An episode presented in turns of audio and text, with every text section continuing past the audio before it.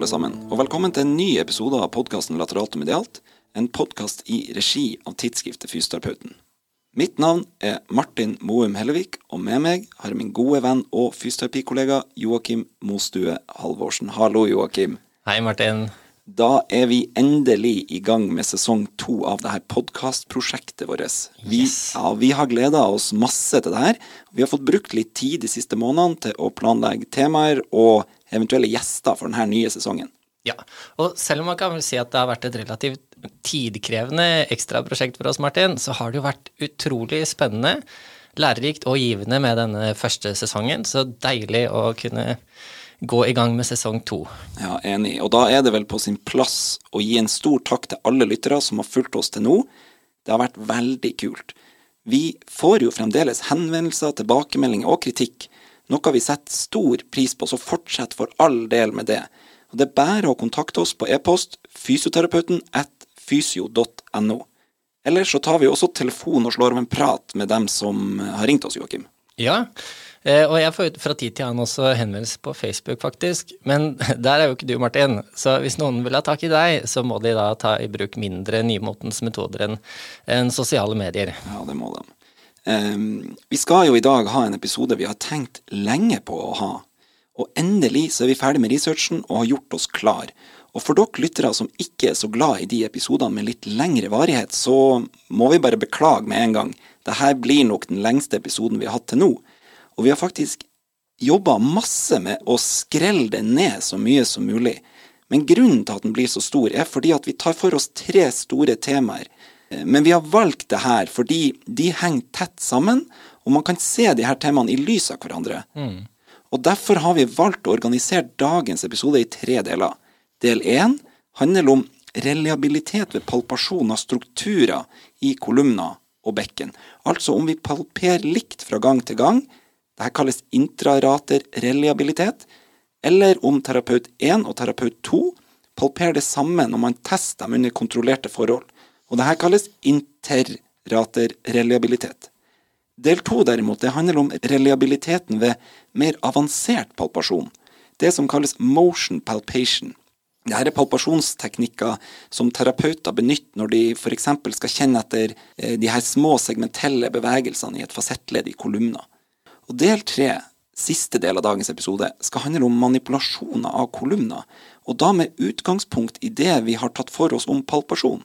Ja, og vi griper jo over en del her, Martin, noe som gjør at vi har hatt eh, behov for lang tid til å forberede denne episoden. Ja, for det, det var egentlig tiltenkt slipp før sommeren. Der. Ikke sant? Og vi innså jo fort at det var litt vel ambisiøst etter at vi hadde tatt fatt på disse forberedelsene her.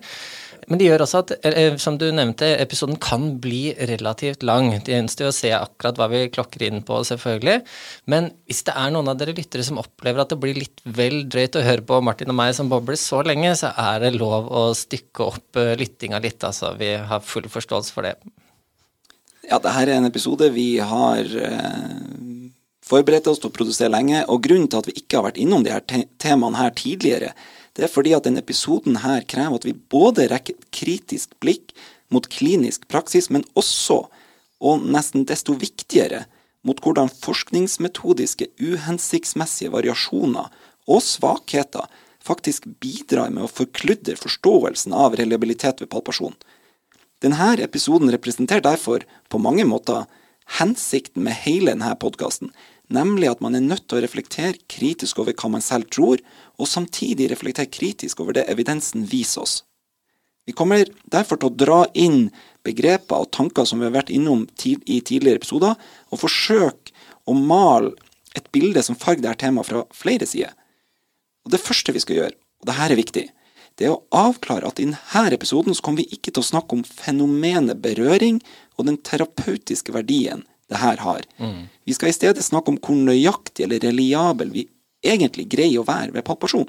Mm. Vi tenker at dette er et eh, veldig interessant tema, for Tenk hvor mange tusen timer vi ikke har brukt eh, både fysioterapeuter, manuellterapeuter, kiropraktorer, naprapater og osteopater i forsøket på en måte på å perfeksjonere denne ferdigheten, eller sånn fingerspitzgefühlen, om du vil, i et håp om å kunne gi bedre behandling til pasientene våre. Ja, og Det som er litt spesielt med researchen denne gangen, er at vi har sett på studier utført fra flere terapeutiske retninger, hvor både kiropraktorer, fysioterapeuter, manuellterapeuter, osteopater og anestesileger er representert. Og jeg må understreke at det er mange kreative og morsomme studier vi ikke har tatt med i episoden, men som definitivt er verdt en titt. Mm. Det er også flere systematiske oversiktsartikler vi ikke kommer til å nevne, men som likevel danner en del av researchen til i dag. Og for dere lyttere som er litt ekstra interessert, så legger vi, som vanlig, ved en omfattende referanseliste på fysioterapeuten.no, og her er det bare å gå amok for den som vil, altså. Men Joakim, nok forhåndsinformasjon. La oss hive oss ut i det. Av alle plasser vi kunne starte denne episoden på, så tror jeg faktisk vi skal starte med YouTube. Fordi når vi gjør research til episodene våre, så benytter vi flere ulike kilder. Og blant dem så er YouTube en god bidragsyter, spesielt for å finne ut vinklinga vi skal velge i episoden. Vi ser da forelesninger, intervjuer, meningsytringer og lignende. Og vi finner alltid masse, masse viktig informasjon her. Mm. Og Søker man f.eks. på palpation og spine, så dukker det opp tusenvis av filmer eh, der folk demonstrerer ulike palpasjonsteknikker, eller holder lange prekener og, og foredrag om hvorfor akkurat deres egne, uh, egenutviklede, unike palpasjonsteknikk naturligvis er overlegen alt annet. Eh, og her er hovedrollene alt fra professor eh, til studenter. Altså hvem som helst, det er jo litt med, med kanalen her, hvem som helst kan jo legge det ut. Men visningsantallet på disse filmene er ofte skyhøye. altså 10 000, 100 000, til og med oppe i millionklassen enkelte ganger. Mm. Og Noe vi raskt la merke til, var at hvis man derimot søker på palpation og reliability, så finner man oppsiktsvekkende få filmer i den første søkerunden jeg gjorde, så fant jeg to presentasjoner. Den ene laga av The Evidence-Based Chiropractor, og den andre laga av en professor ved navn Francois Ricard fra Madrid School of Osteopathy. Og begge de her eh, filmene var for øvrig ganske gode foredrag. Men interessant nok så representerte jeg personen som førte til en økning i antall visninger fra svimlende to til tre hos kiropraktoren, og fra 14 til 15 hos osteopatiprofessoren. Eh, ved et litt mer grundigere søk så fant jeg faktisk tre-fire filmer til, men også de her med et bemerkelsesverdig få antall visninger. Også i podkastverden gikk det heller ikke til å være så mange som snakker om reliabilitet ved palpasjon.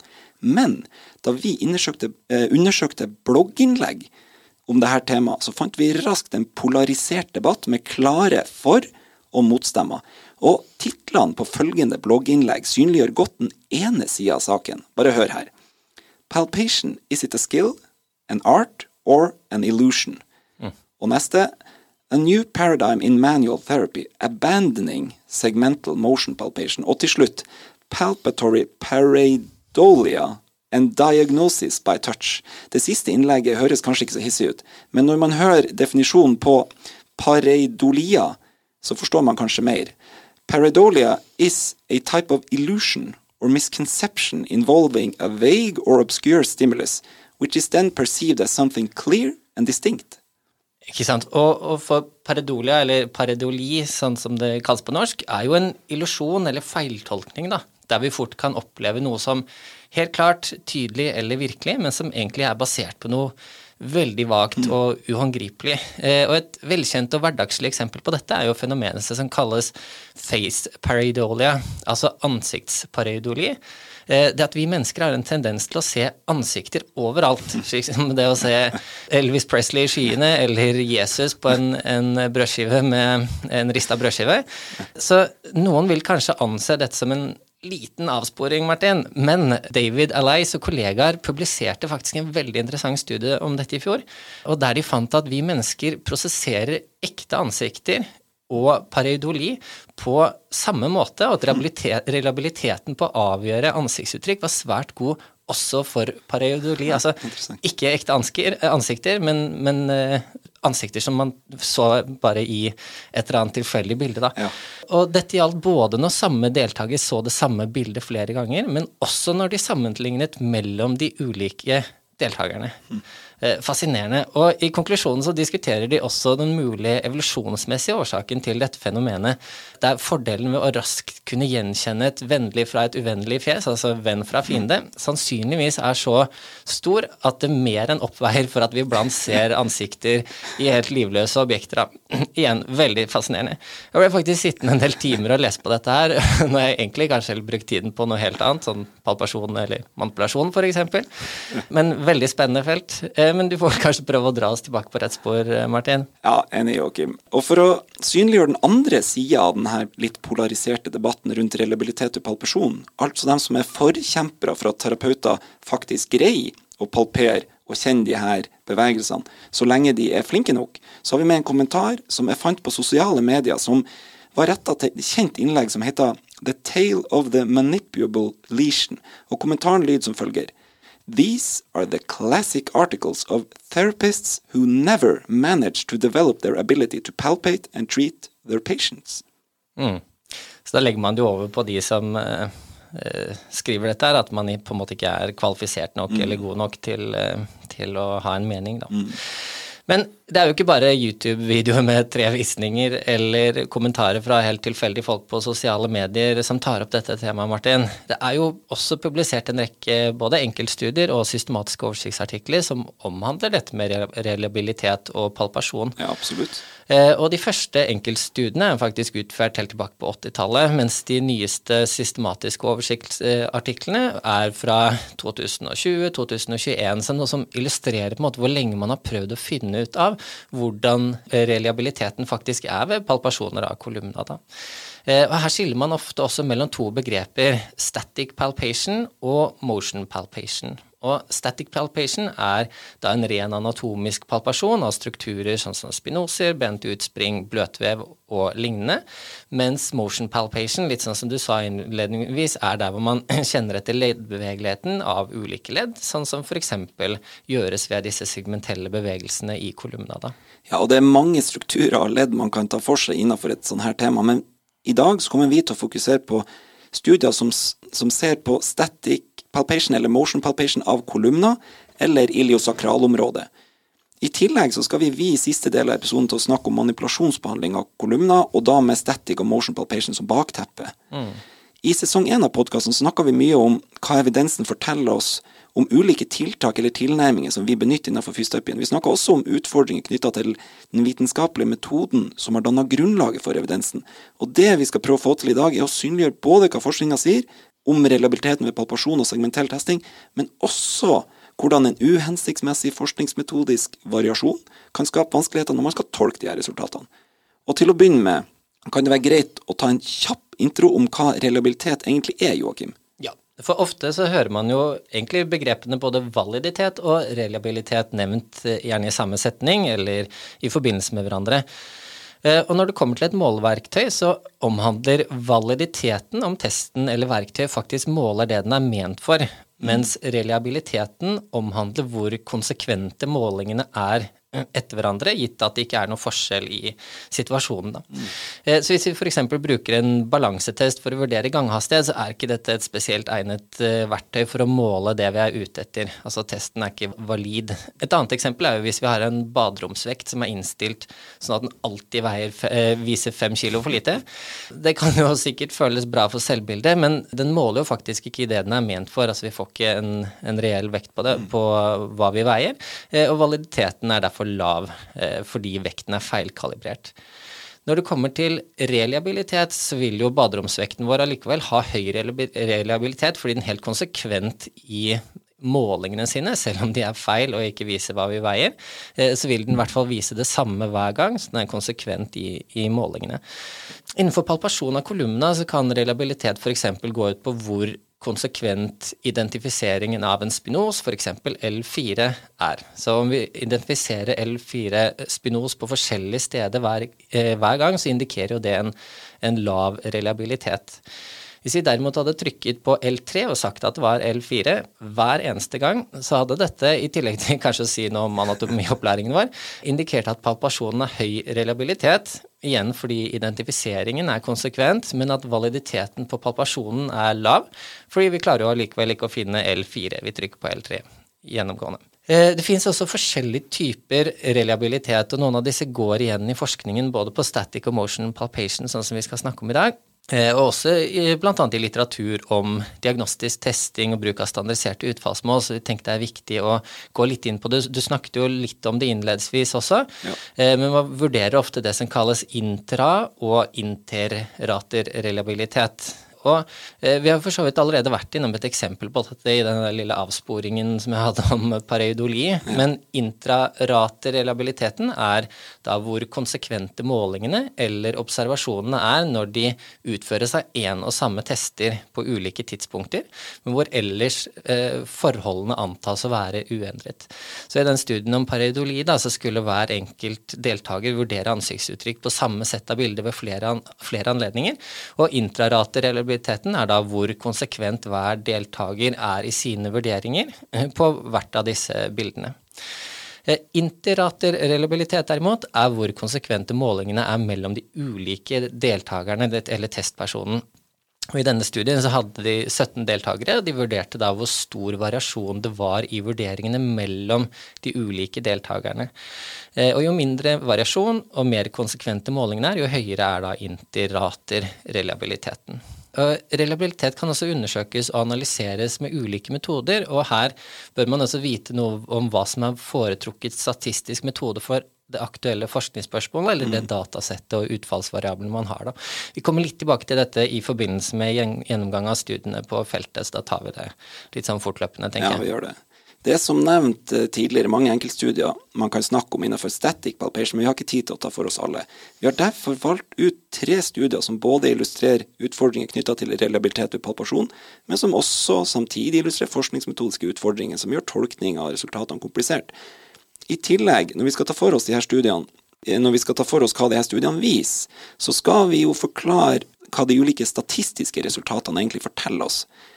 For det er jo det man får slengt midt i fleisen når man leser de studiene, begreper som kappa, vekta, kappa ICC og percentage agreement.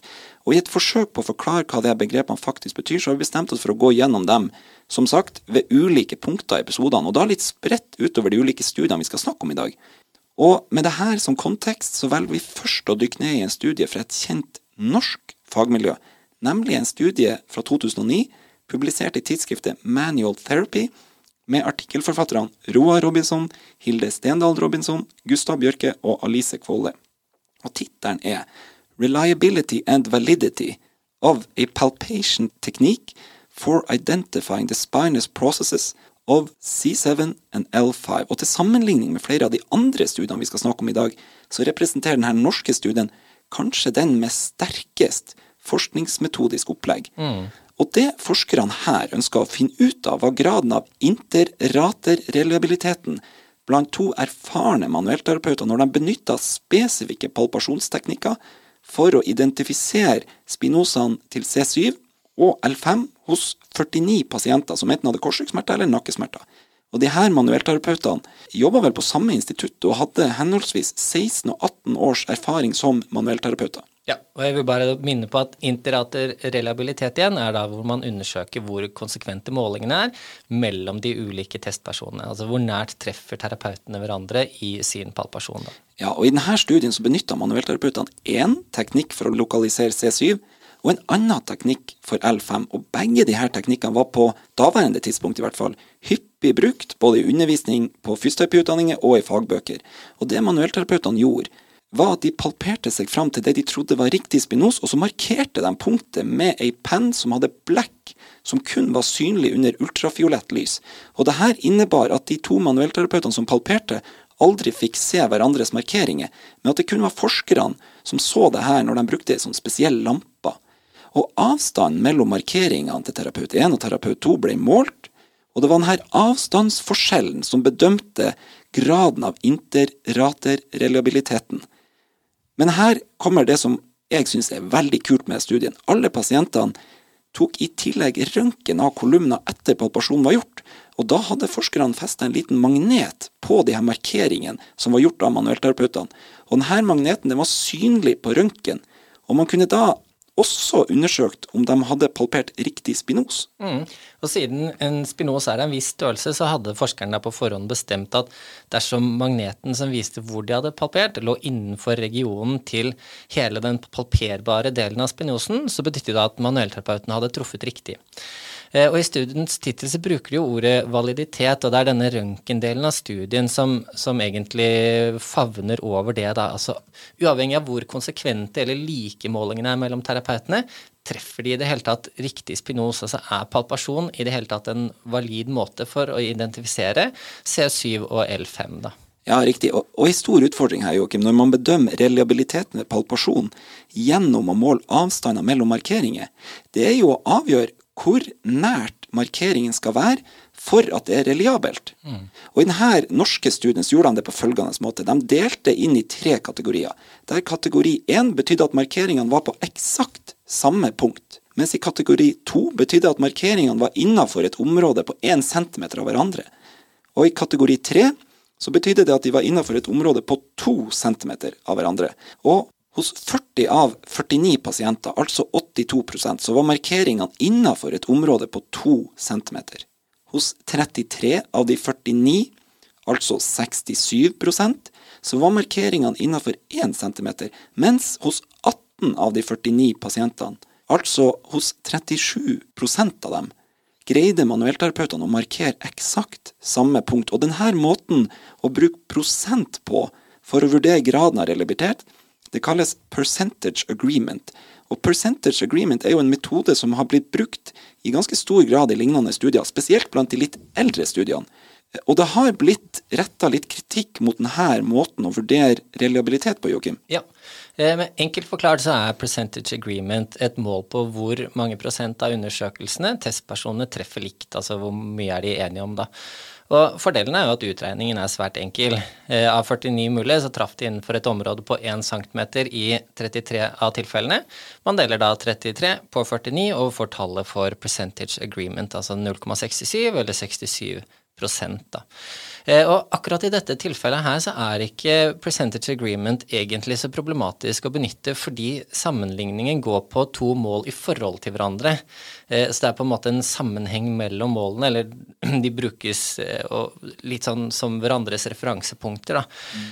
Hadde det derimot vært kategoriske utfallsvariabler som skulle vurderes, f.eks. om behandlerne kom inn da, og fikk beskjed om å avgjøre om er dette bestemte punktet på pasientens rygg C7 eller L5? Altså hvor mulige svaralternativet ville vært ja eller nei. Eh, så blir det en mye større utfordring å bruke percentage agreement. For siden det her er to mulige svar, så vil man jo anta sånn rent statistisk at behandlerne ville hatt rundt 50% sannsynlighet for å svare likt, helt uten å ha noe som helst kunnskaper om palpasjon. Altså det er ren tilfeldighet mm. som ville gjort det, da. Eh, og i slike tilfeller så må man da i fortolkningen også ta høyde for hva sannsynligheten er, basert bare på sjanse eller tilfeldighet, eh, og se hvor langt over dette er egentlig testresultatene mm. i den aktuelle studiene. Ja.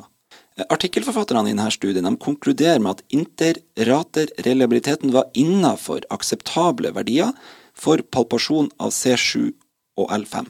Men det som gjør denne studien spesiell, er at når man tar med de røntgenvurderingene som vurderte om manuellterapeutene faktisk traff C7 eller L5, så er konklusjonen litt annerledes. Mm. Her var validiteten svak for C7, mens den var moderat for L5, noe som enkelt forklart betyr at selv om manuellterapeutene palperte innenfor samme område, så var ikke det nødvendigvis området til C7 eller L5. Nei, og man kan jo således også diskutere da nytteverdien ved å være veldig konsekvent på å palpere feil spinos. Eh.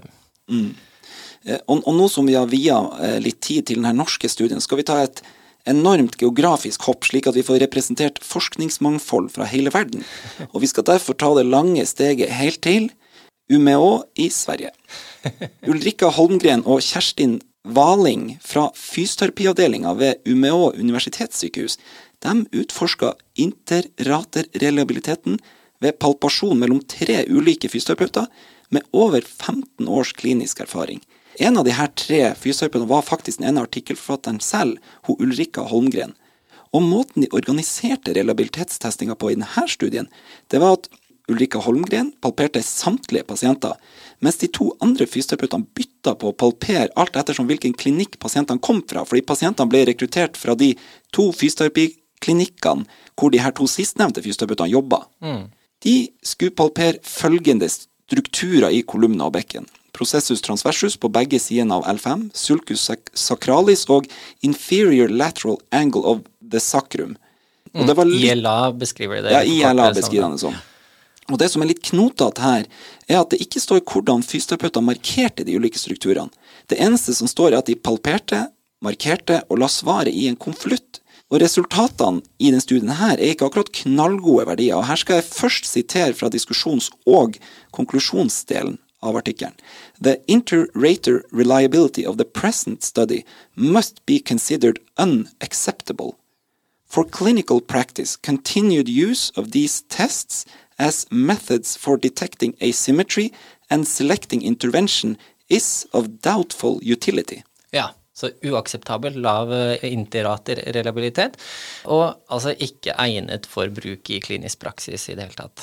Ja, og Joakim, i denne studien så viste resultatene kappa-verdier på henholdsvis 0,17, 0,11 og 0,11 for da transversene på L5, sulcus sacralis og det her ILA. Ja, og her bruker de jo det som kalles kappa for å regne ut interratereliabiliteten. Og Fordelen med kappa da, til sammenligning med percentage agreement, som vi akkurat snakket om i sted, er at selve utregningen her allerede tar høyde for at man vil forvente noen likheter i målingene kun basert på tilfeldigheter. Eh, og Således så blir verdiene seende helt annerledes ut også enn de tallene man får ved utregning av percentage agreement. Og verdiene på kappa går fra minus 1 til 1 der null tilsvarer at resultatet er akkurat som forventet ved en ren tilfeldighet. Mm. Og Jacob Cohen, utvikleren av Cohens kappa, foreslo følgende fortolkning av disse verdiene. Da sier man fra 0,01 til 0,20 som at det er ingen til liten enighet mellom da testpersonene. 0,21 til 0,40 som fair, eller at det er noe enighet. 0,41 eh, til 0,60 som moderat. 0,61 til 0,80 som betydelig, og 0,81 til 1,0 som at det er tilnærmet perfekt enighet. Eh, og litt avhengig av hvilken kilde man ser i, så anbefales verdier, eller anses i hvert fall, verdier lavere enn 0,40 eller 0,60 som et tegn på at det er utilstrekkelig enighet mellom testpersonene. Da. Og disse kappa-verdiene du nettopp nevne, nevnte, altså henholdsvis 0,17, 0,11 og 0,11, anses jo da som det er ingen til liten grad av enighet egentlig mellom disse testpersonene. da. Mm. Så her var reliabiliteten rett og slett ikke spesielt god? Absolutt ikke. Eh, vi skal ta for oss en siste enkeltstudie om temaet aesthetic valpation. og Det er en kjent studie gjort av et australsk miljø i 1999 med Brian Downey i front. Og Det interessante her er at i denne studien, i motsetning til det de fant i den eh, svenske studien fra UMÅ, så viser resultatene nærmest perfekt grad av interratereliabilitet ved palpasjon av kolumna. Ikke sant. Altså en veldig høy grad av likhet da, i lokalisasjon mellom de ulike testerne. Ja, men at det også er flere aspekter ved de her resultatene som er verdt å ta et ekstra lite titt på. Altså. Det de gjorde i Downey sin studie, var at seks erfarne manuellterapeuter ble rekruttert fra tre ulike klinikker. Da to og to fra hver klinikk. Og de ble satt sammen i par, og hvert par med manuellterapeuter skulle palpere spinosene i lumbalkolumner på 20 pasienter med korsryggsmerter. Det litt rare her er at hvert par undersøkte pasienter fra deres egen klinikk. Den ene manuellterapeuten i paret var primærbehandler for ti av pasientene, altså han hadde møtt dem før. Den, mens den andre manuellterapeuten i paret var primærbehandler for de resterende ti pasientene. Ja, og det var nok pragmatiske hensyn som ble tatt her med tanke på rekruttering av pasienter. Og så lenge det ikke dreier seg om å finne et problemområde hos pasientene, for da vil jo tidligere kjennskap til pasienten være en stor feilkilde i studien. Eh, når det heller dreier seg om da en ren anatomisk palpasjon, så tenker jeg at dette er helt greit. De har sannsynligvis ikke memorisert spinosene på alle disse ti pasientene fra før av. Nei, det er et godt poeng. Og det var jo anatomisk palpasjon de så på. Eh, mm. Måten selve palpasjonen foregikk på, var at den første terapeuten ble bedt om å palpere en tilfeldig spinos i lumbalkolumna, og så markere den med et kryss i black som da kun var synlig under ultrafiolett lys, slik som i Robinson-studien. Mm. Eh, og der var det kun forskerne som kunne se markeringa. Så etter den eh, en, ene terapeuten hadde markert det krysset, så kom den andre terapeuten inn i rommet og fikk beskjed om å palpere og markere samme spinos som førstemann hadde fått beskjed om. Her kommer noe som er litt finurlig. For å vurdere hvor reliabel palpasjonen mellom de ulike terapeutene var, så hadde forskerne på forhånd regna ut snittstørrelsen på spinosene i lumbalkolumna hos 13 menneskekadavere på en anatomisk avdeling. Og forskerne lagde så sånne små, avlange ruter og vinduer som var like store som snittstørrelsen til de her spinosene. Det sies ikke spesifikt hvor stor akkurat de her var i denne studien, men de var av ulik størrelse, siden de lumbale spinosene til oss mennesker har litt ulik størrelse, da. Mm. En tidligere lignende studie fra 1997 hadde brukt samme prosedyre, og her var de her rutene man laga rundt to centimeter lang og én centimeter brei. Og hvis de to manuellterapeutene palperte innafor samme område som var innafor dimensjonene til de her forhåndslagde rutene, så ble det ansett som at de begge var enige, altså at palpasjon var reliabel. Ja, og det innebærer jo at dersom den ene palperte i nedre høyre hjørne f.eks. av ruten, mens den andre palperte i øvre venstre hjørne av ruten, og kam, øh, bommet da med litt over 2 cm, så var det likevel godkjent, da. Mm, ja, tydeligvis. Resultatene viste bemerkelsesverdig høy interrater-reliabilitet, hvor den gjennomsnittlige vekta kappaverdien blant alle tre parene var på 0,92. Det ene paret fra en av klinikkene hadde faktisk en vekta kappa på 0,98, og begge disse verdiene betegnes som en nesten perfekt samstemthet. Og Joakim, du har jo forklart hva eh, en kappa-verdi innebærer, og da later jeg som at jeg forsto hva du sa, men nå ser jeg at det er også noe som heter vekta kappa, og da skjønner jeg faktisk enda mindre. Og for å komplisere det her ytterligere, så var som sagt den vekta kappaskåren på 0,92, mens den vanlige kappaskåren, som også ble beskrevet i denne studien, var definitivt lavere, med en verdi på 0,69. Hva farsken, Joakim? Ja, jeg skal prøve meg på en litt uh, enkel forklaring her. For kappaverdien tar jo som nevnt høyde for den statistiske sannsynligheten for like svar basert på tilfeldighet. Men Vanlig kappa er en ganske sånn streng metode, kan du si. Enten så er du enig, eller så er du ikke enig. Eh, og således så fungerer den veldig godt på nominelle kategoriske data, altså igjen ved svaralternativene ja og nei, da. Her så kan du bare være enten enig, eller så er du ikke enig. Utfordringene kommer hvis man skal vurdere ordinale kategoriske data eller kontinuerlige data, altså hvis det er en rekkefølge eller størrelsesforhold mellom de mulige svaralternativene. Hvis man f.eks. skal angi et svar på en skala mellom 0 til 10, da, en 11-punktsskala, så vil vanlig kappa regne det som like feil hvis en person svarer to og den andre personen svarer tre, som om svarene skulle vært to og ni. Altså feil er feil i vanlig kappa-utregning. Eh, selv om det jo er enkelt å forstå for oss at tre er jo nærmere enn to, i hvert fall, enn det ni er. Mm. Eh, og når det kommer til vektet kappa, så tar utregningen da altså høyde for at det er en rekkefølge, altså et størrelsesforhold mellom alternativene. Og den gir således ikke så mye trekk når svaralternativene er i nærheten av hverandre. Da. Så svarer en person én to, og den andre tre, så er det ikke perfekt, men du er i hvert fall sånn ballpark, da, eller i nærheten av hverandre. Mm. Eh, og Derfor så er den vektede kappa-scoren høyere i dette eksempelet som du nettopp nevnte, enn det den vanlige kappa-scoren er. Eh, og kan også eh, bare nevne kjapt at ved analysering av enten ordinale kategoriske data eller kontinuerlige variabler, sånn som dette, så kan man også bruke det som kalles ICC, eller Intraclass Correlation Coefficient, noe som man også ser en del av i disse studiene. da. Ja, Vi må litt tilbake til denne Downey-studien igjen, Joakim. Mm. Det som også interessant her, er at eh, forskerne hadde tatt med gjennomsnittlig avstand mellom de her kryssene som manuellterapeutene lagde. Og her er det interessante variasjoner. Det var jo tre par manuellterapeuter. Og i eh, par 1 så var den gjennomsnittlige avstanden på 1,1 cm mellom de her kryssene. Par 2 hadde en gjennomsnittlig avstand på 1,7 cm mellom de her kryssene. Og par 3 hadde en gjennomsnittlig avstand på 1,5 1,4. Og det her løfter jo fram spørsmålet hva er egentlig presist nok? Ta f.eks. par 1 av de her manuellterapeutene, som artikkelforfatterne konkluderte med at det var en tilnærma perfekt samstemthet, men allikevel så var den gjennomsnittlige avstanden på markeringene sine på 1,1 cm. Ser man det her i lys av uh, den litt mer nøkterne konklusjonen til den første studien vi snakker om, den norske studien av Robinson, så kan man jo se at det er ulike måter å vurdere hva som er presist eller ikke, for avstandsmessig så var det jo ganske likt. Mm. Og ut ifra estimatene de har på spinosstørrelse i studien, så kan det godt hende at eh, terapeutene for så vidt er på samme spinos også. Men igjen så blir det jo et annet og et viktig element å tenke på, da, om de i det hele tatt er på riktig spinose igjen. Altså hva er validiteten på disse palpasjonene? Ja, og, og, før vi går videre fra Downey-studien, så må vi ta med ett siste eh, morsomt funn vi gjorde her, da.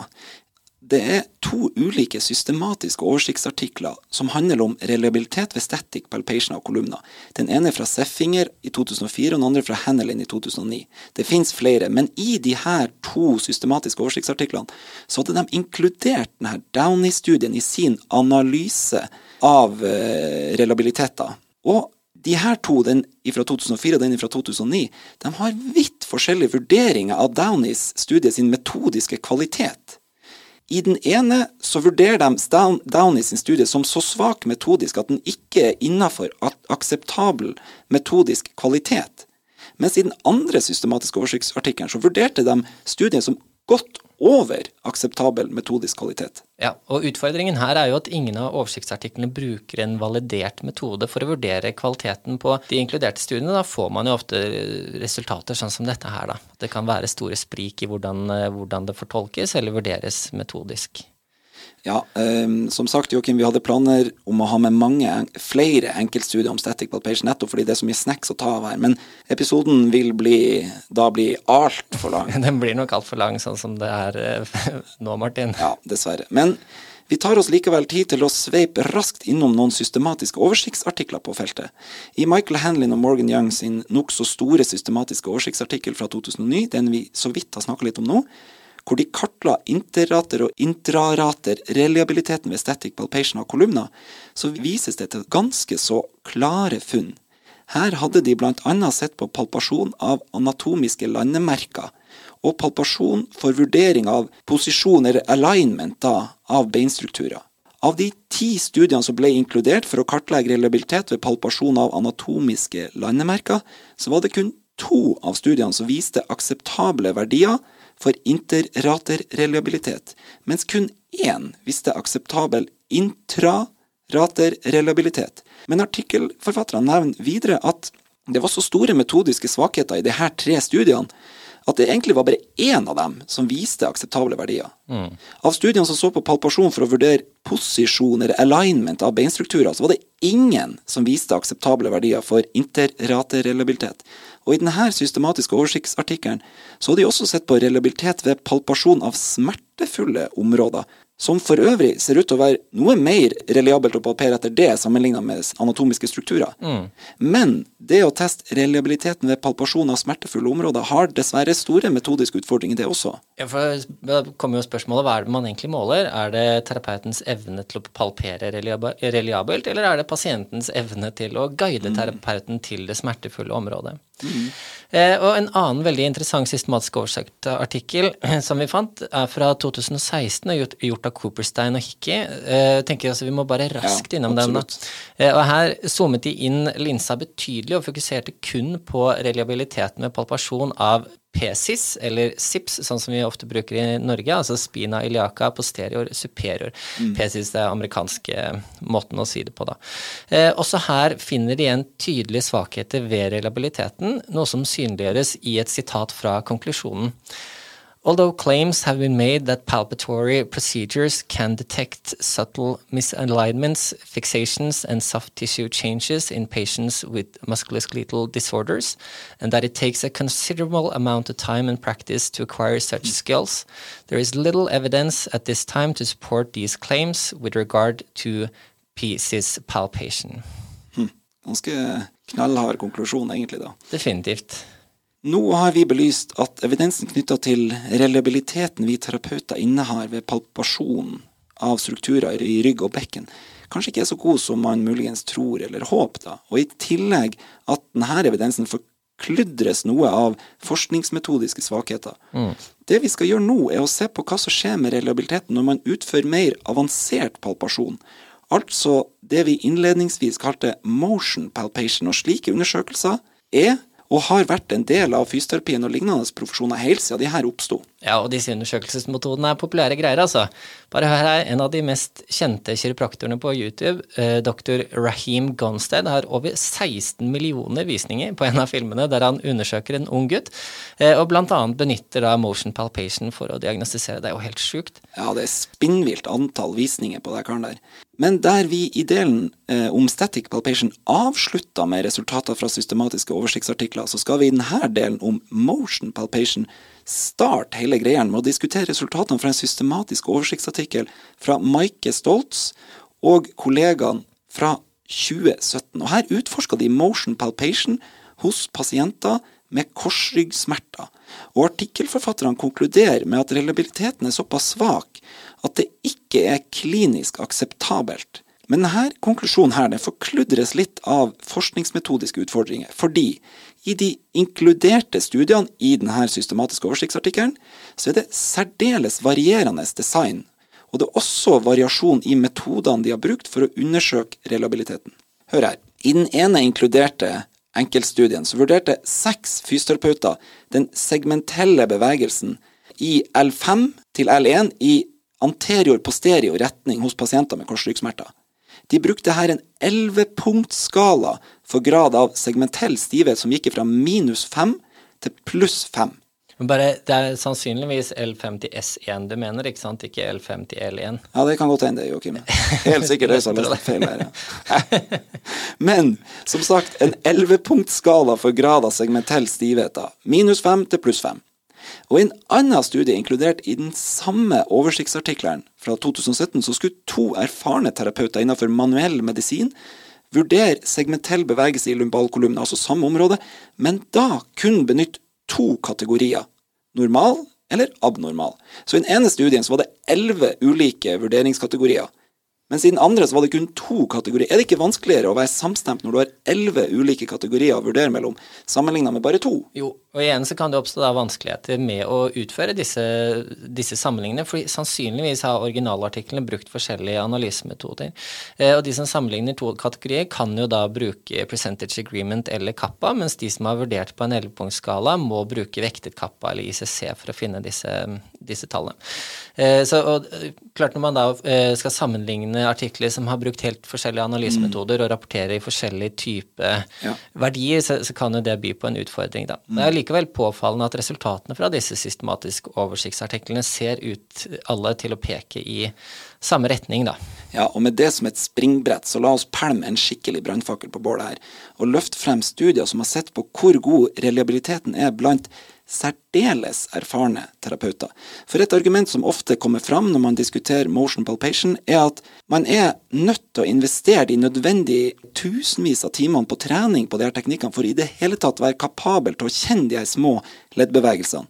Og i år 2000 så ble det publisert en studie fra Sverige gjort av Smedmark og kollegaer, hvor man så på interrater-reliabiliteten ved vurdering av passiv segmentell bevegelse i cervikalkolumna hos to fysioterapeuter som hadde over 25 års erfaring hver, og som hadde jobba sammen i 17 år. Og De hadde begge omfattende videreutdanning i OMI, altså ortopedisk medisin, og de hadde jobba intensivt sammen for å utvikle felles forståelse av undersøkelsesmetoder for nakke. Mm. Og de skulle vurdere fire ulike segmentelle tester hos 61 pasienter med nakkesmerter. Og i denne studien så ble det brukt to kategorier for å vurdere denne segmentelle bevegelsen. Stiv eller ikke stiv. Mm. Tre av studiene hadde en kappascore på mellom 0,28 til 0,36, noe som indikerer lav grad av reliabilitet, mens én av testene viste 0,43, som indikerer rett over akseptabel reliabilitet. Ja, så Det ser jo ikke ut til at det nødvendigvis er sånn at, at klinisk erfaring øker graden av reliabilitet nevneverdig. Ja, men Joakim, i denne studien så hadde de også inkludert percentage agreement. Og resultatene for percentage agreement mellom de her to veldig erfarne fysioterapeutene lå på mellom 70 til 87 Er ikke det ganske høy grad av agreement, og dermed indikasjon på høy relabilitet? Hvorfor er forskjellen så stor mellom percentage agreement og kappaverdien? Ja, For å svare på dette, så må vi grave oss enda lenger ned i materien på hvordan kappa ja. regnes ut. Så bare hold deg fast, Martin.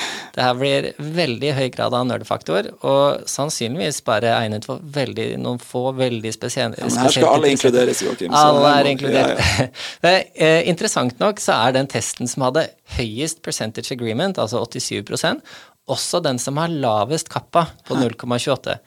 Eh, og jeg tenkte derfor å bruke denne testen som eksempel, da. Eh, og det spiller selvfølgelig ikke noen rolle for eksempelet sin del hva den testen gikk ut på, men for ordens skyld så var dette en rotasjonstest for å vurdere da rotasjonsbevegelighet mellom C1 og C2 i cervikalkolumna.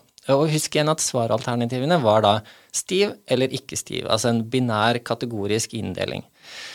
Eh, de utførte denne testen på 60 pasienter eller deltakere noe som da vil si at enigheten ved totalt 120 rotasjoner, altså de roterer jo både mot høyre ja. og venstre, skulle mm. vurderes. Og av disse 120 mulighetene så var det kun to pasienter der behandlerne var enige om at det forelå en stivhet i en eller begge retninger, og der de også var enige om da eh, retningen eller retningene som den stivheten forelå. Mm.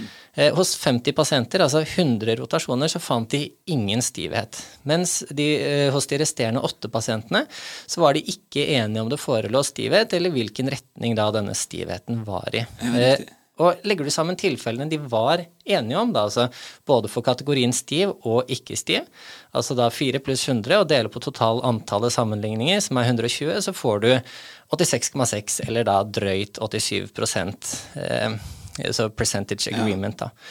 Eh, utfordringen med Kappa-scoren er at det er så stor forskjell på antall funn innenfor disse to kategoriene. noe som man altså også... om den var stiv eller ikke stiv? Ja, ja. Eh, og det er altså noe man får et stort trekk for i Kappa-analysen. Eh, og ved bestemmelse om noe ligger i den ene eller andre kategorien av en binær variabel, så skulle man jo sånn instinktivt da, tro at, at, det som er forventet ved ren tilfeldighet, er 50-50. Mm. Men så enkelt er det dessverre ikke, Martin. Eh, for sannsynligheten som forventes av ren tilfeldighet under utregning med kappa, påvirkes også av prevalensen, altså hvor mange tilfeller det er i hver kategori.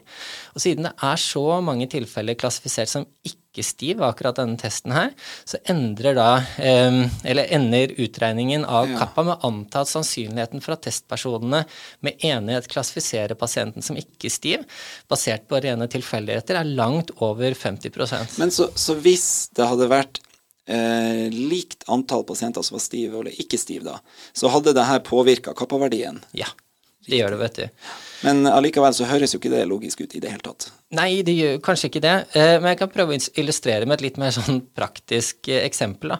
Eh, la oss si at en av testpersonene hadde vært tatt rett fra gata. Eller kanskje enda bedre om det var deg, Martin, som helt sikkert ikke har gjort noen sånne undersøkelser siden vi var på andre semester på grunnutdanningen i 2011. Det hadde nesten vært bedre med en fra gata. Ikke sant.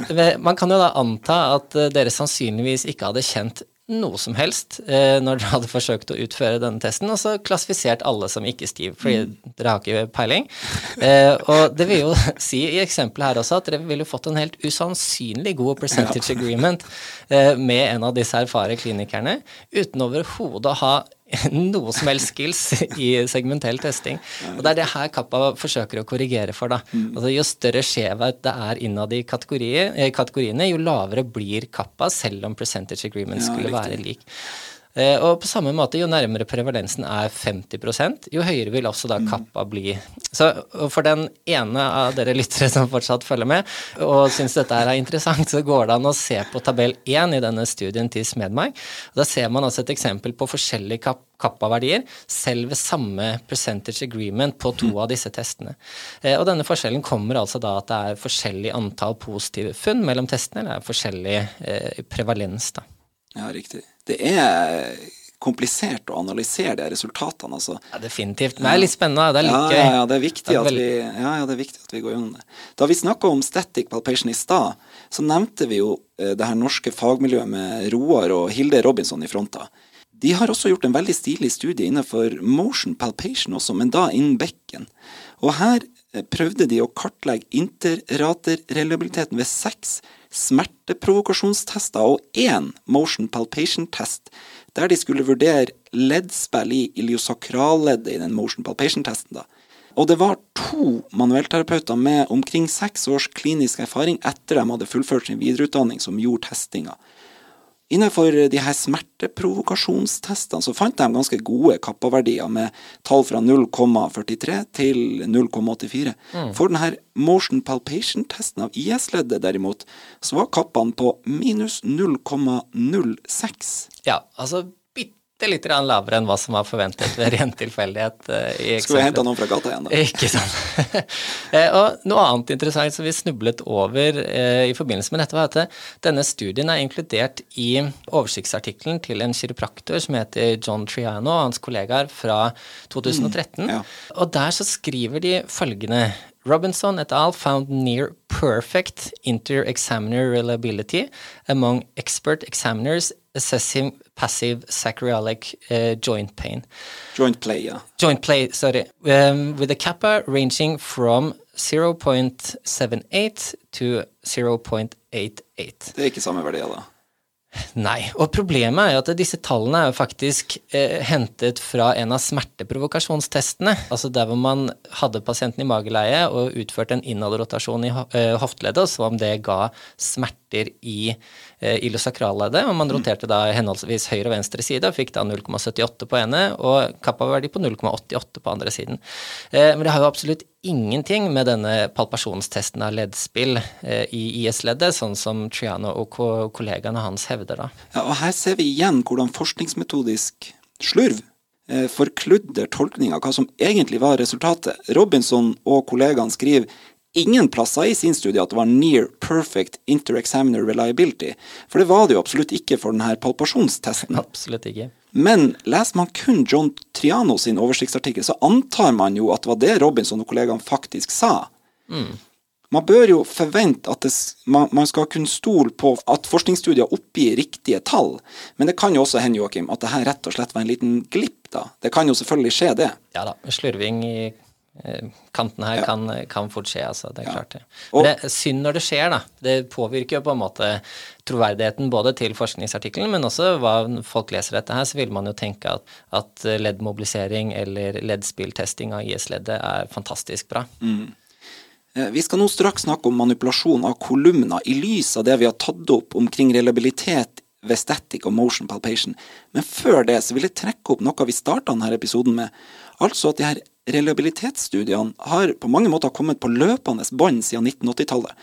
Eh, Dette er kunnskap man har hatt lenge, og derfor var det fascinerende å lese de litt oppsiktsvekkende resultatene fra spørreundersøkelsen som den newzealandske professoren J. Haxby Abbott fra 2009 sendte til 1500 manuellterapeuter i USA og New Zealand. Her skulle de svare på en rekke spørsmål knytta til deres tanker om motion palpation. Og av de her 1500 manuellterapeutene så var det 466 som svarte. Og der så man at mellom 66 til 70% av de som svarte, hadde tro på at presisjon i segmentelle undersøkelser var tilstrekkelig til å bedømme graden av segmentell bevegelse. Kun 5-9 uttrykte skepsis eller bedømte de her segmentelle testene som ikke presis i det hele tatt. Mm, veldig interessant med tanke på som du sier, at dette her er noe man har undersøkt siden, eh, siden 80-tallet. Ja, den spørreundersøkelsen var jo fra 2009. Ikke sant. Ja. Eh, om dette er overførbart til andre behandlere enn akkurat disse, er jo vanskelig å si, selvfølgelig. Men det kunne vært interessant med en lignende type evaluering her i Norge også. Ja, enig. Og um, vi har jo til nå sett det ser ut til å være store feilkilder innenfor reliabilitet av både palpasjon og segmentell testing av kolumner.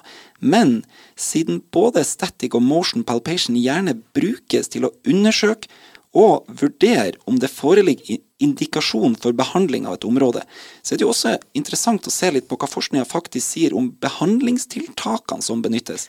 Ja, og når det kommer til selve behandlingen man velger basert på funnene fra disse undersøkelsene, så benyttes jo ofte mobilisering eller manipulering. Og vi tenker vi må avgrense litt i denne delen. Igjen, episoden blir nok altfor lang uansett. Ja. Eh, og vi vil derfor kun ta for oss manipulasjonsbehandling for denne gang. Ja, og kan ikke du innledningsvis, Joakim, forklare eh, litt raskt hva er egentlig en manipulasjon? Ja, det skal prøve, i hvert fall. Eh, med manipulasjon så snakker man som regel om en behandlingsteknikk der man utfører det som på engelsk kalles en high velocity, low amplitude impulse, eller trust. Ofte da mot eller i ytterstillingen av et synovialledd. Dvs. Si da en hurtig utført bevegelse, men med en liten bevegelsesvei. Mm. Og ofte eh, fører jo behandlingen til det deilige kneppet, da, sånn som mange pasienter er ute etter. Eh, og dette knippet er jo faktisk en finurlighet bare i seg selv, og kommer av at det oppstår et vakuum i leddet som følge av at bevegelsen, som da ofte medfører en separasjon av leddflatene, også gjør volumet i det intraartikulære rommet større enn det som kan fylles med synovialvæsken inni leddet. Og det gjør da at det dannes et vakuum. Og dette vakuumet eh, gir, gjør at det blir en boble, altså en vakuumboble i leddet, som man faktisk kan se på bildediagnostiske undersøkelser. Eh, og kneppelyden er etterfulgt også da en refraktærperiode der du ikke igjen kan utløse denne eh, kneppelyden på en, på en stund.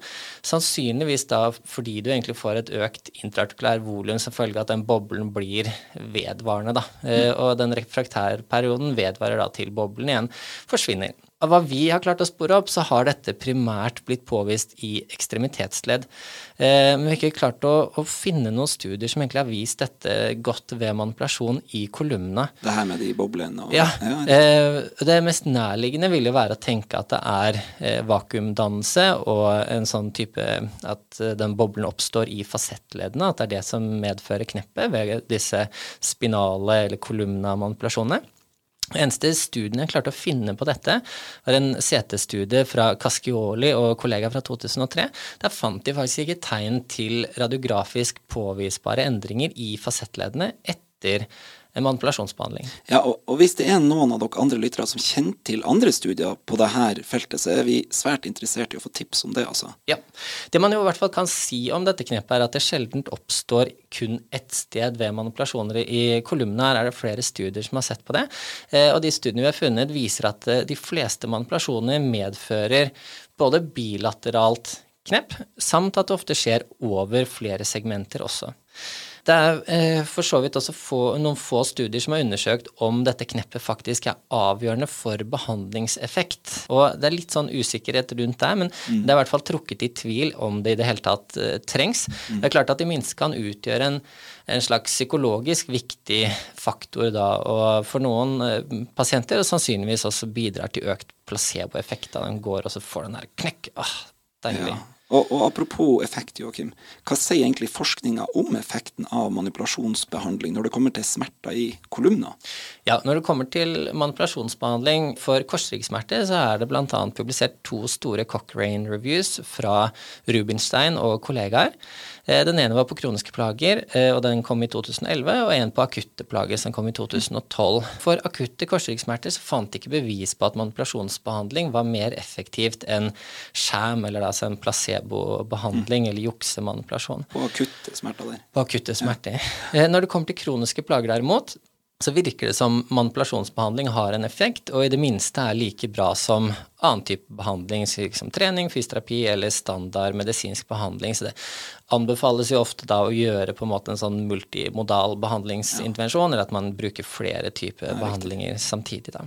Cross og kollegaer så oss på dette ved både akutte og kroniske nakkesmerter i en Cochrane Review fra 2015.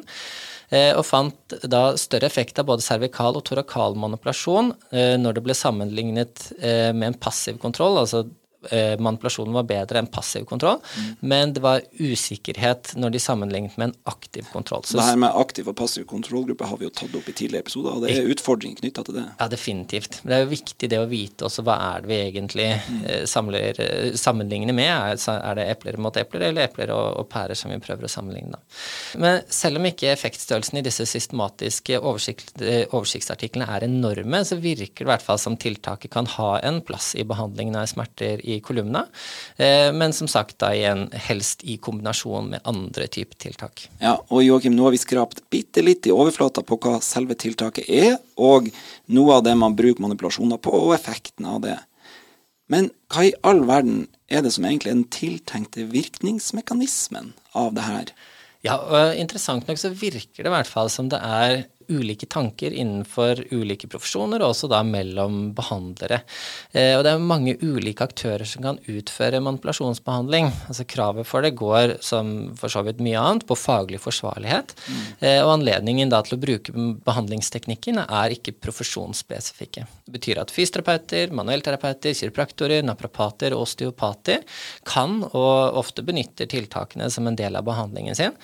Eh, og det er for så vidt eh, heller ikke noe juridisk i veien for at f.eks. leger mm. utfører tiltaket. Og opp, igjen, eh, opp, gjennom historien så har det vært en del leger som har gjort dette. Blant annet James Syrac, som ja. vi har snakket om tidligere, som da brukte manipulasjoner mm. aktivt i, i sitt virke. da.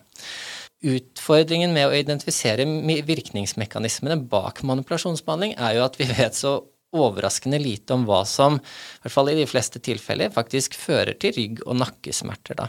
Eh, og spesielt eh, gjelder, dette når det kommer til disse akutte og subakutte plagene. Det er derfor gjerne sekkebetegnelser som uspesifikke korsryggsmerter ofte benyttes. Da. Etter vår forståelse så er det igjen da store forskjeller mellom hva ulike behandlere vil anse som en utløsende faktor for nakke- eller ryggsmerter hos en, en enkelt pasient, og basert da på utdanning eller opplæring og egen erfaring. Og, og man tolker jo på en måte da undersøkelsen man gjør utover dette her. Så det mm. blir jo da også store forskjeller på hva man eh, finner og legger som på en måte årsakssammenheng til eh, ryggsmertene, eh, og også da hva man forsøker å påvirke ved selve manipulasjonen. Her kan det oppstå store variasjoner, da? Ja, definitivt. Og det er klart man eh, som behandler også kan velge manipulasjonsbehandling som tiltak for flere forskjellige typer mistenkt årsak til plagene. Da.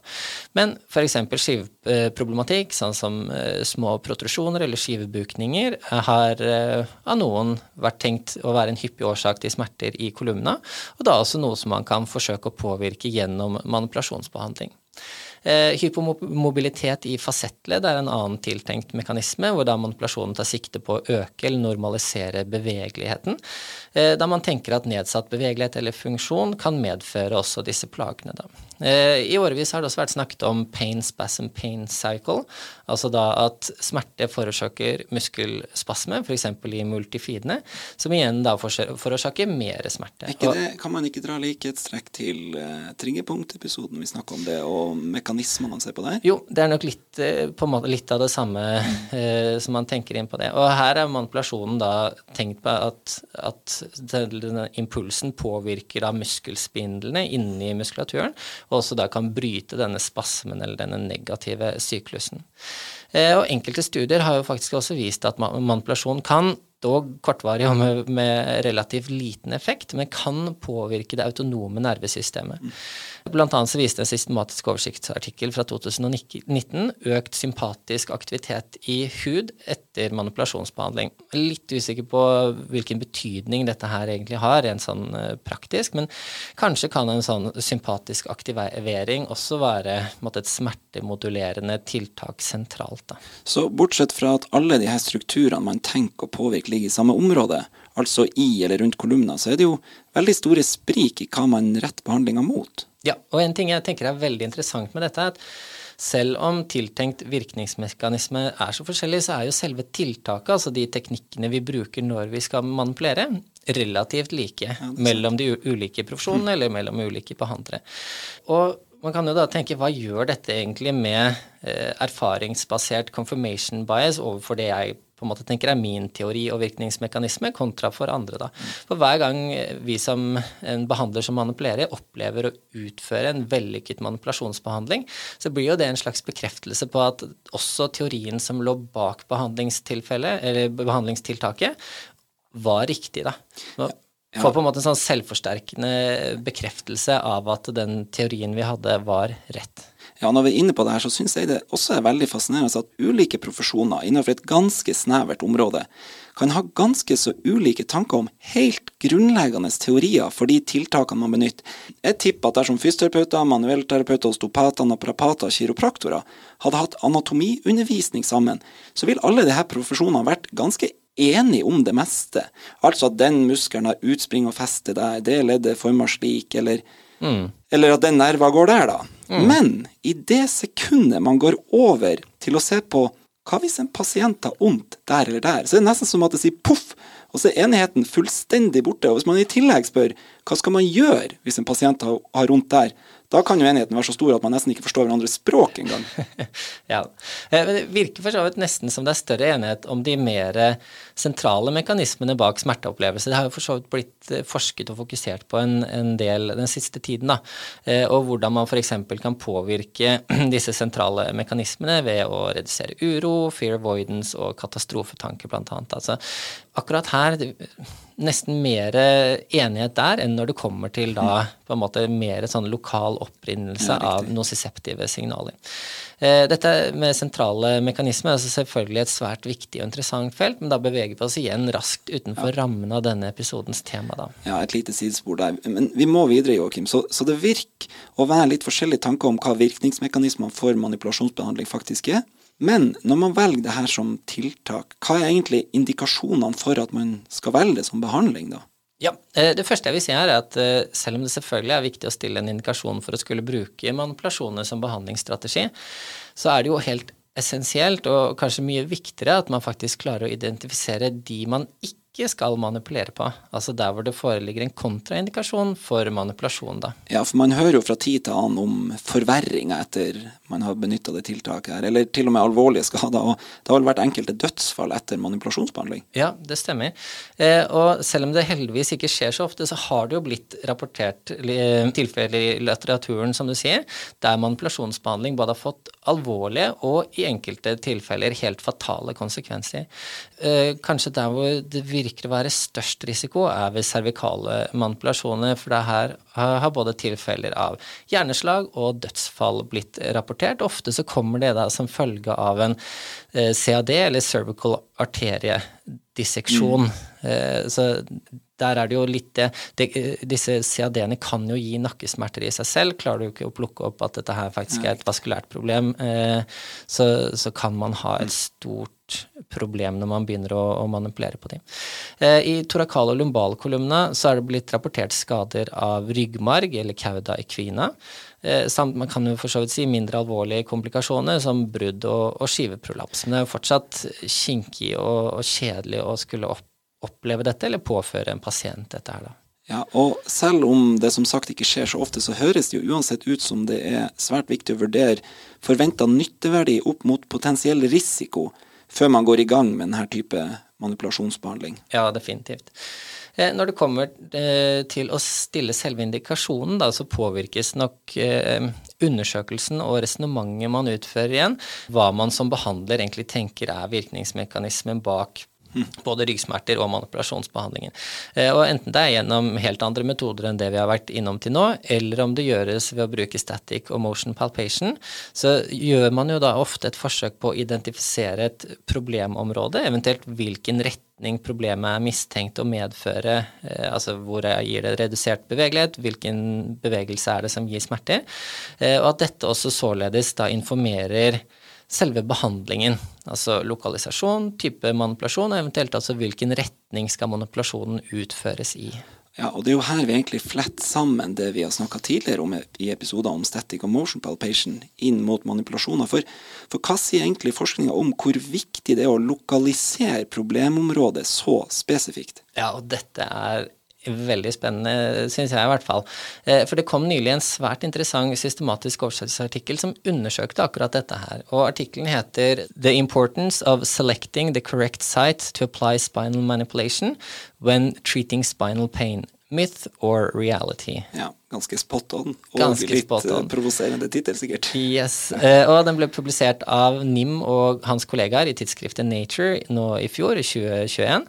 Uh, og formålet med studien var å undersøke om manipulasjonsbehandling utført på et spesifikt indikert sted, det de kaller en candidate site, er bedre enn manipulasjonsbehandling utført et sted uten indikasjon, eller en non-candidate site. Så på et litt annet område? Ja.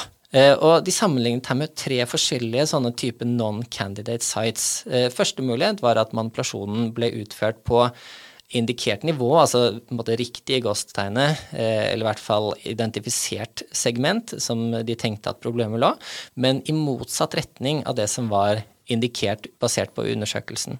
Så hvis undersøkelsen indikerte at man burde utføre en rotasjonsmanipulasjon mot høyre av L4, så utførte de heller da en rota mm, rotasjonsmanipulasjon mot venstre side.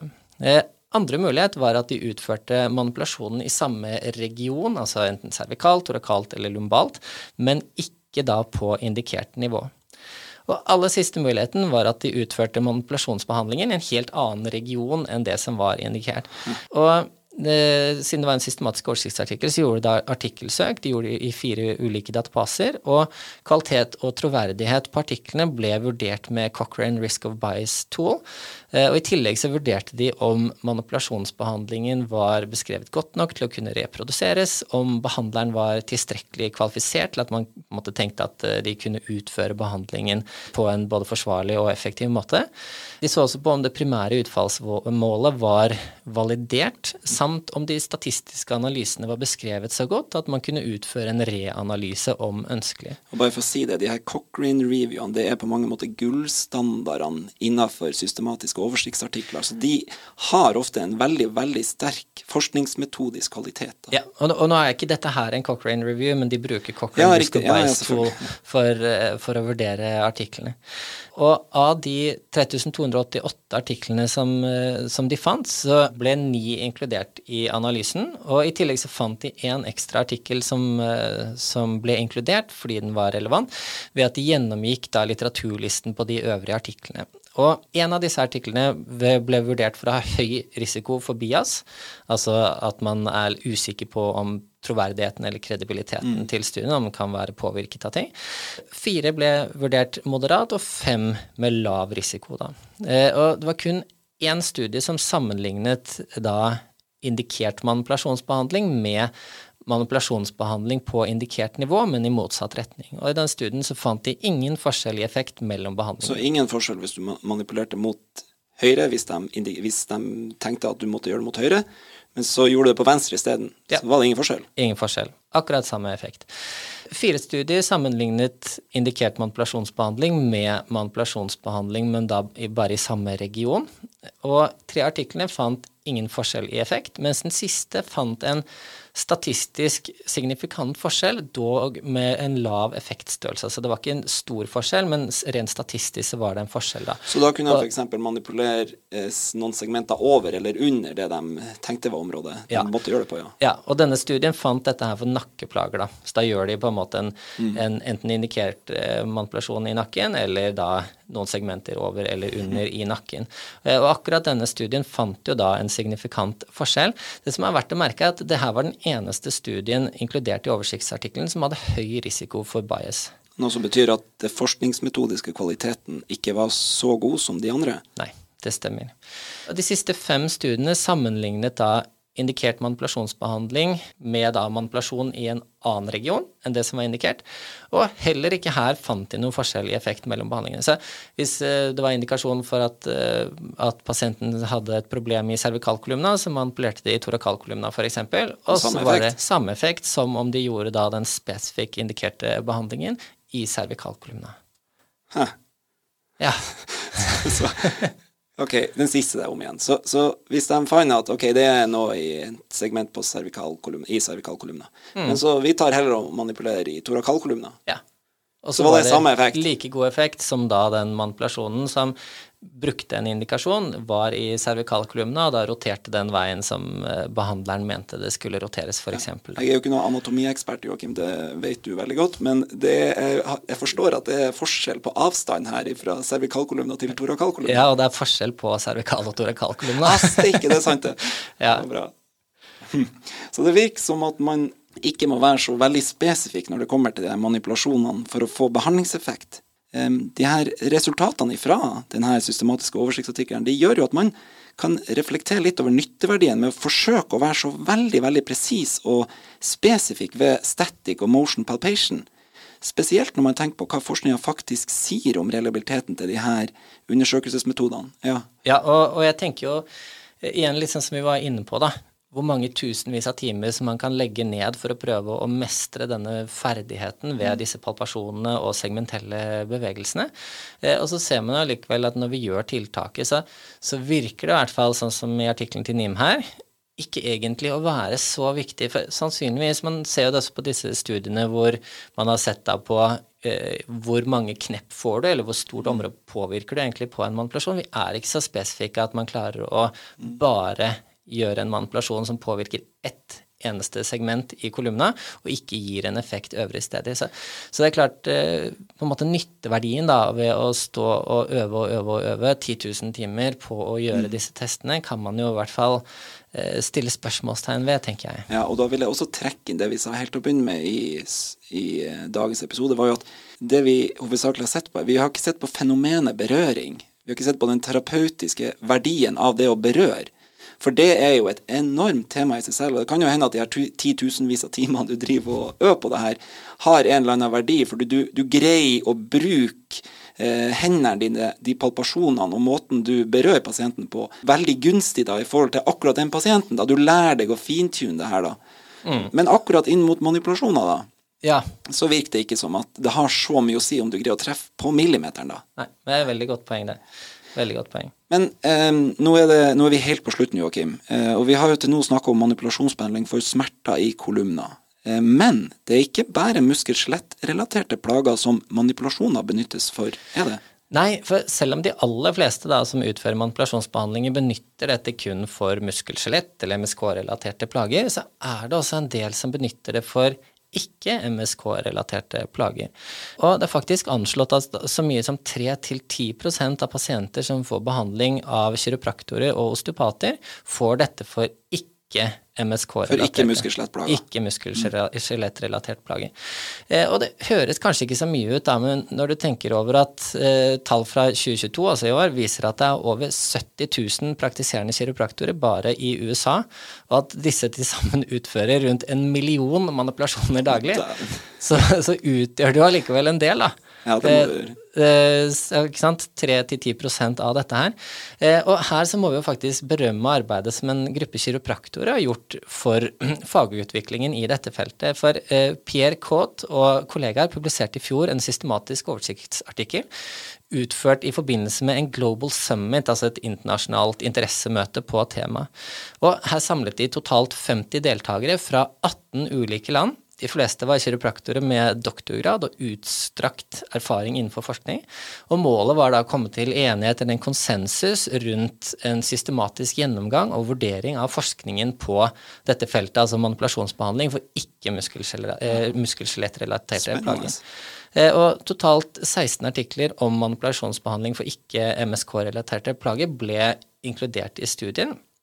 Eh, men det som er også litt interessant, er at analysen ble oppdelt mellom artikler med høy eller akseptabel metodisk kvalitet, og de som hadde lav eller uakseptabel metodisk kvalitet av disse 16. Mm. Og i alt så ble seks artikler vurdert å ha høye eller akseptable verdier for kvalitet, og uh, av disse så var det da ingen som viste at manipulasjonsbehandling hadde bedre effekt enn sham-manipulasjon, altså det er en lurebehandling, en sånn juksemanipulasjon, som man antar ikke vil ha effekt utover placebo. Og tilstandene som de forsket på i originalartiklene, var da spedbarnskolikk, astma hos barn, hypertensjon, menstruasjonskramper og migrene.